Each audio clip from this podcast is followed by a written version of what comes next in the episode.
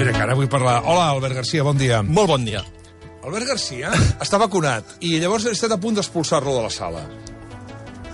Bueno, és, uh, en tant que professor, en el meu cas, sóc una de les persones d'aquest 10% més o menys a Catalunya que ja han rebut la primera dosi aquest cap de setmana i, i, i bé.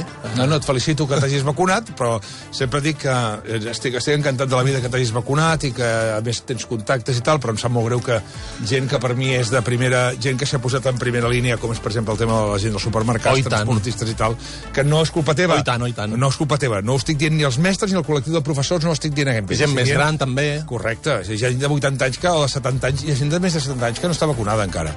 Té els meus respectes. Mm. O sigui, està, està molt bé. Vosaltres teniu un contacte, efectivament, però no...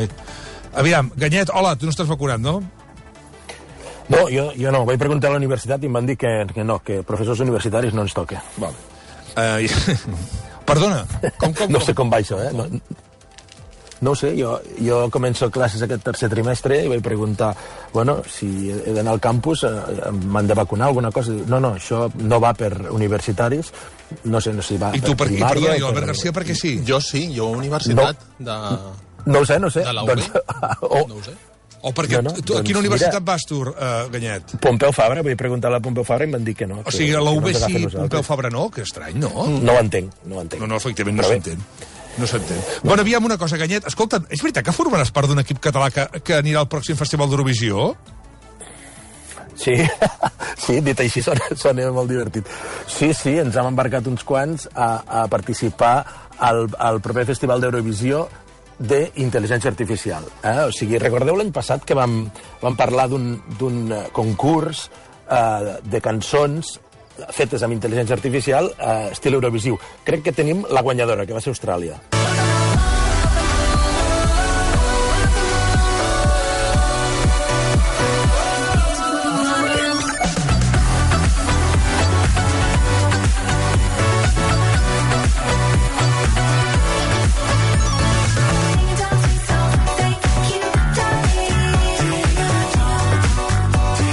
Aviam, com funciona això exactament? Ens pots explicar, Ganyet?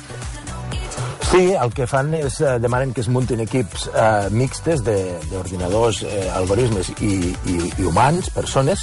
Eh, S'ha de fer una, una composició d'un tema que duri uns 4 minuts, es sotmet a, a una votació pública, per tant us donarem la tabarra per aquí, eh, a, a, a juny hi ha una votació pública, després hi ha un jurat especialitzat, eh, i al final és, eh, es busca aquesta, aquesta experimentació, composició amb eines d'intel·ligència artificial i llavors en el nostre equip tenim lletristes, tenim músics, tenim enginyers, eh, eh, tenim l'enginyer suec Thomas Nielen, afincat a Catalunya, tenim el Hald- Haldor Mar, el Mario Serra, el Matthew Tree, eh, l'escriptor i compositor Pere Peris i molta més gent que anirem coneixent aquests dies perquè estem formant l'equip eh, i llavors a partir del 31 de març tenim sis setmanes per fer el, la peça musical i presentar-la.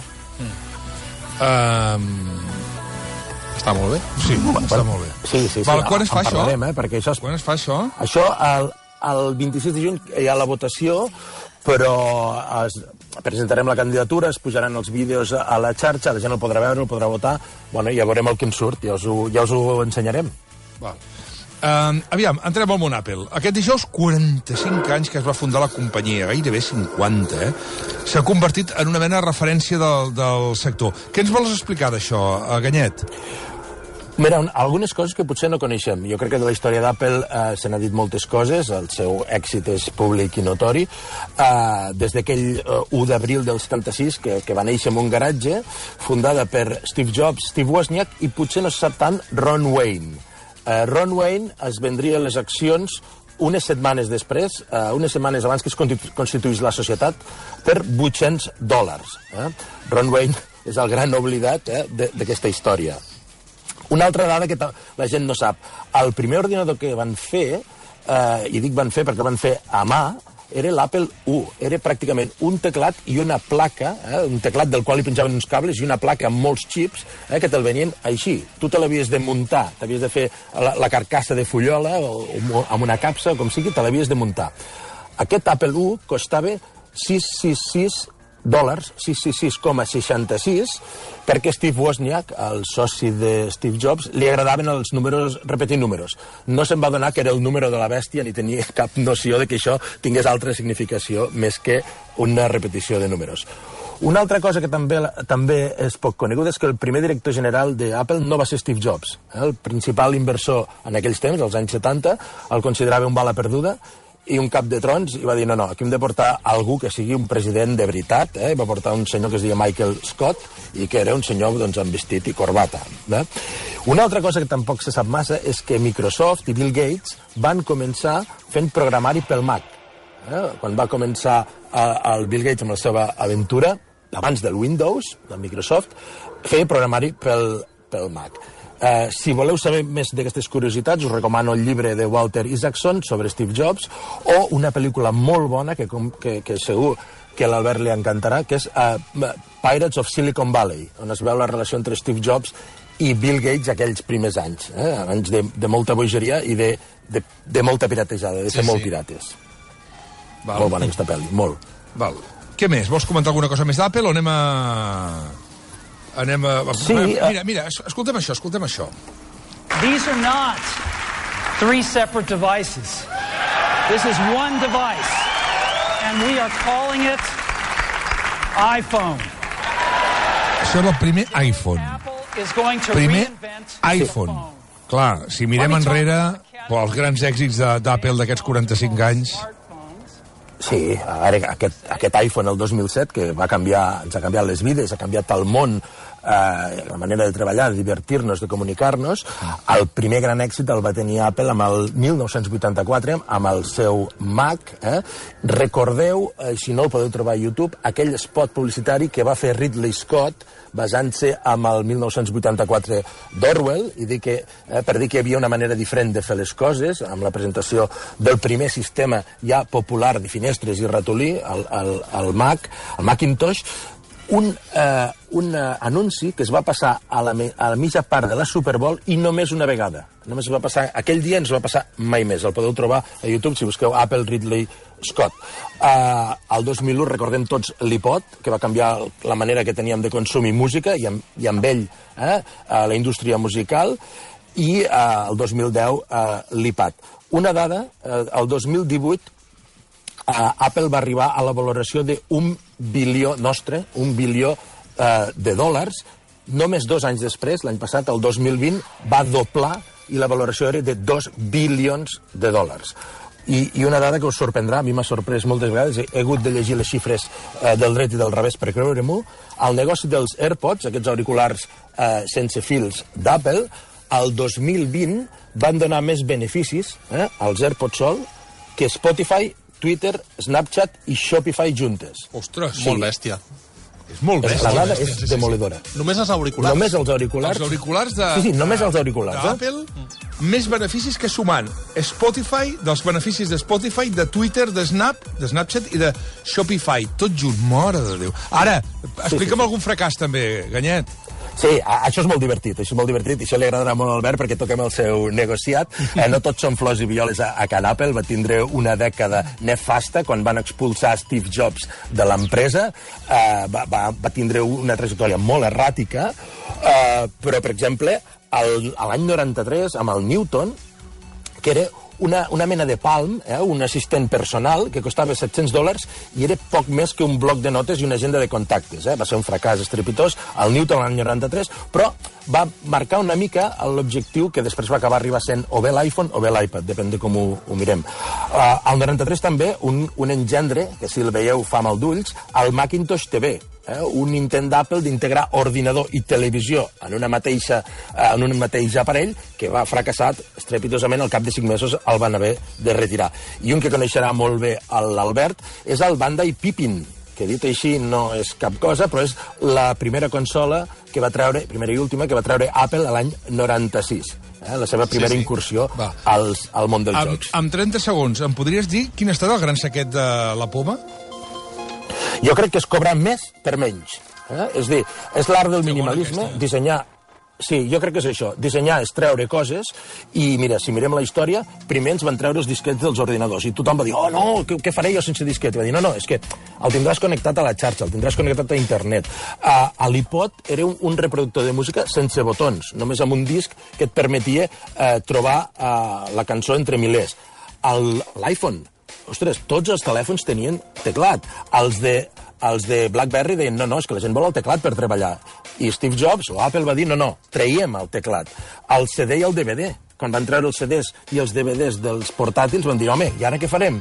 Doncs no, o sigui, ho mirarem des de YouTube, els vídeos, o els pujarem al, al núvol, no?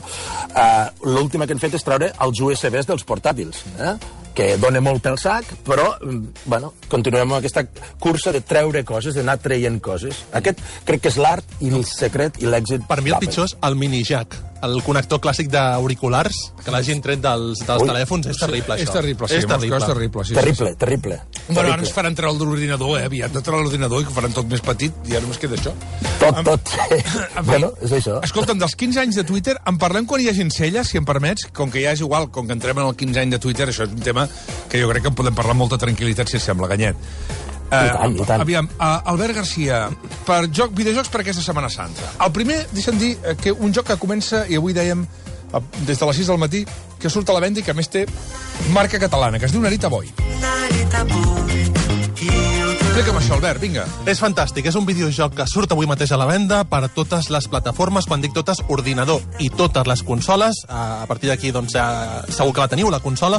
És un videojoc produït a, a Barcelona per un petit equip i és com estètica retrofuturista. Porta uns dies jugant-lo i està molt i molt bé. Eh, tinc ganes de tornar a, a continuar jugant perquè eh, és d'aquests jocs que, que t'enganxen moltíssim amb la seva història, amb la seva estètica, eh, amb la seva música, que ara sentíem que és com una música electrònica. Eh, hi ha hagut molts videojocs amb estètica anys 80 en els darrers anys i potser ja començàvem a estar cansats d'una mica aquesta nostàlgia dels 80. Aquest videojoc el que fa és crear el seu univers propi i, i, i realment aconsegueix tornar-te a enganxar amb aquesta estètica doncs, vuitantera, de llums de neó, amb música electrònica i amb, un, amb una proposta molt, molt xula. Ho recomano molt, Narita Boy, quilòmetre zero, joc fet a Barcelona, que està, uh, que està molt bé per una sola persona, en aquest cas, però, però que està molt recomanable. Va, el joc de la Setmana Santa, però segurament és aquest que es diu It Takes Two. This is the story of a magical king. Sí, Bueno, és un videojoc que va sortir divendres passat, és un videojoc cooperatiu. És una aventura en la qual eh, sereu una parella que està passant una, una crisi de parella, eh, llavors doncs, eh, han de col·laborar per fer una aventura i, i doncs, reconciliar-se, no? En aquest cas, doncs, perquè hi ha un tema que es volen divorciar i la seva filla, doncs, eh, demana un desig i els pares es converteixen en uns ninotets. Llavors els pares, bé, eh, tot i que estan barallats, han de col·laborar, doncs, per, perquè estigui contenta la filla i per, per deixar ser uns ninots. És molt xulo aquest videojoc. Eh, el teniu disponible també doncs, per ordinador, per Play i per Xbox. I la gràcia és que es juga en cooperatiu, tota l'estona. Tota l'estona veus una pantalla partida, dividida per, en dues meitats, i llavors tu has de col·laborar amb l'altra persona. El millor és jugar amb el mateix sofà, amb l'altra persona, anar col·laborant, però també podeu jugar de forma online. I el millor de tot, si jugueu, si la vostra parella, el vostre amic amb qui voleu jugar-lo, eh, no està amb vosaltres, perquè esteu jugant a distància, només cal que una persona es compri el videojoc. A partir d'aquí és superimaginatiu, col·laboratiu... Es diu It Takes Two. It Takes Two, correcte. Un joc per gamers de morro fi, un joc de rol d'alta qualitat que es diu Disco Elysium Final Cut. You play a detective on a murder case with a unique skill Sí, system. és un videojoc de rol eh, que ja té un parell d'anys, però avui mateix surt la seva darrera versió, que es diu Disco Elysium Final Cut. Uh, com deies, Jordi, un videojoc d'aquests per jugadors, per gamers de morro fi, eh, joc de rol molt, molt, molt, molt bo, molt recomanable. La història d'un detectiu, si us molen les històries de detectius, per mi és el videojoc de detectius més contundent i bo que s'ha fet mai i avui surt l'última versió que teniu per ordinador i per Mac i per Play. I atenció aquest que potser us interessa, que és un clàssic. Com es diu aquest? És de franc, a més.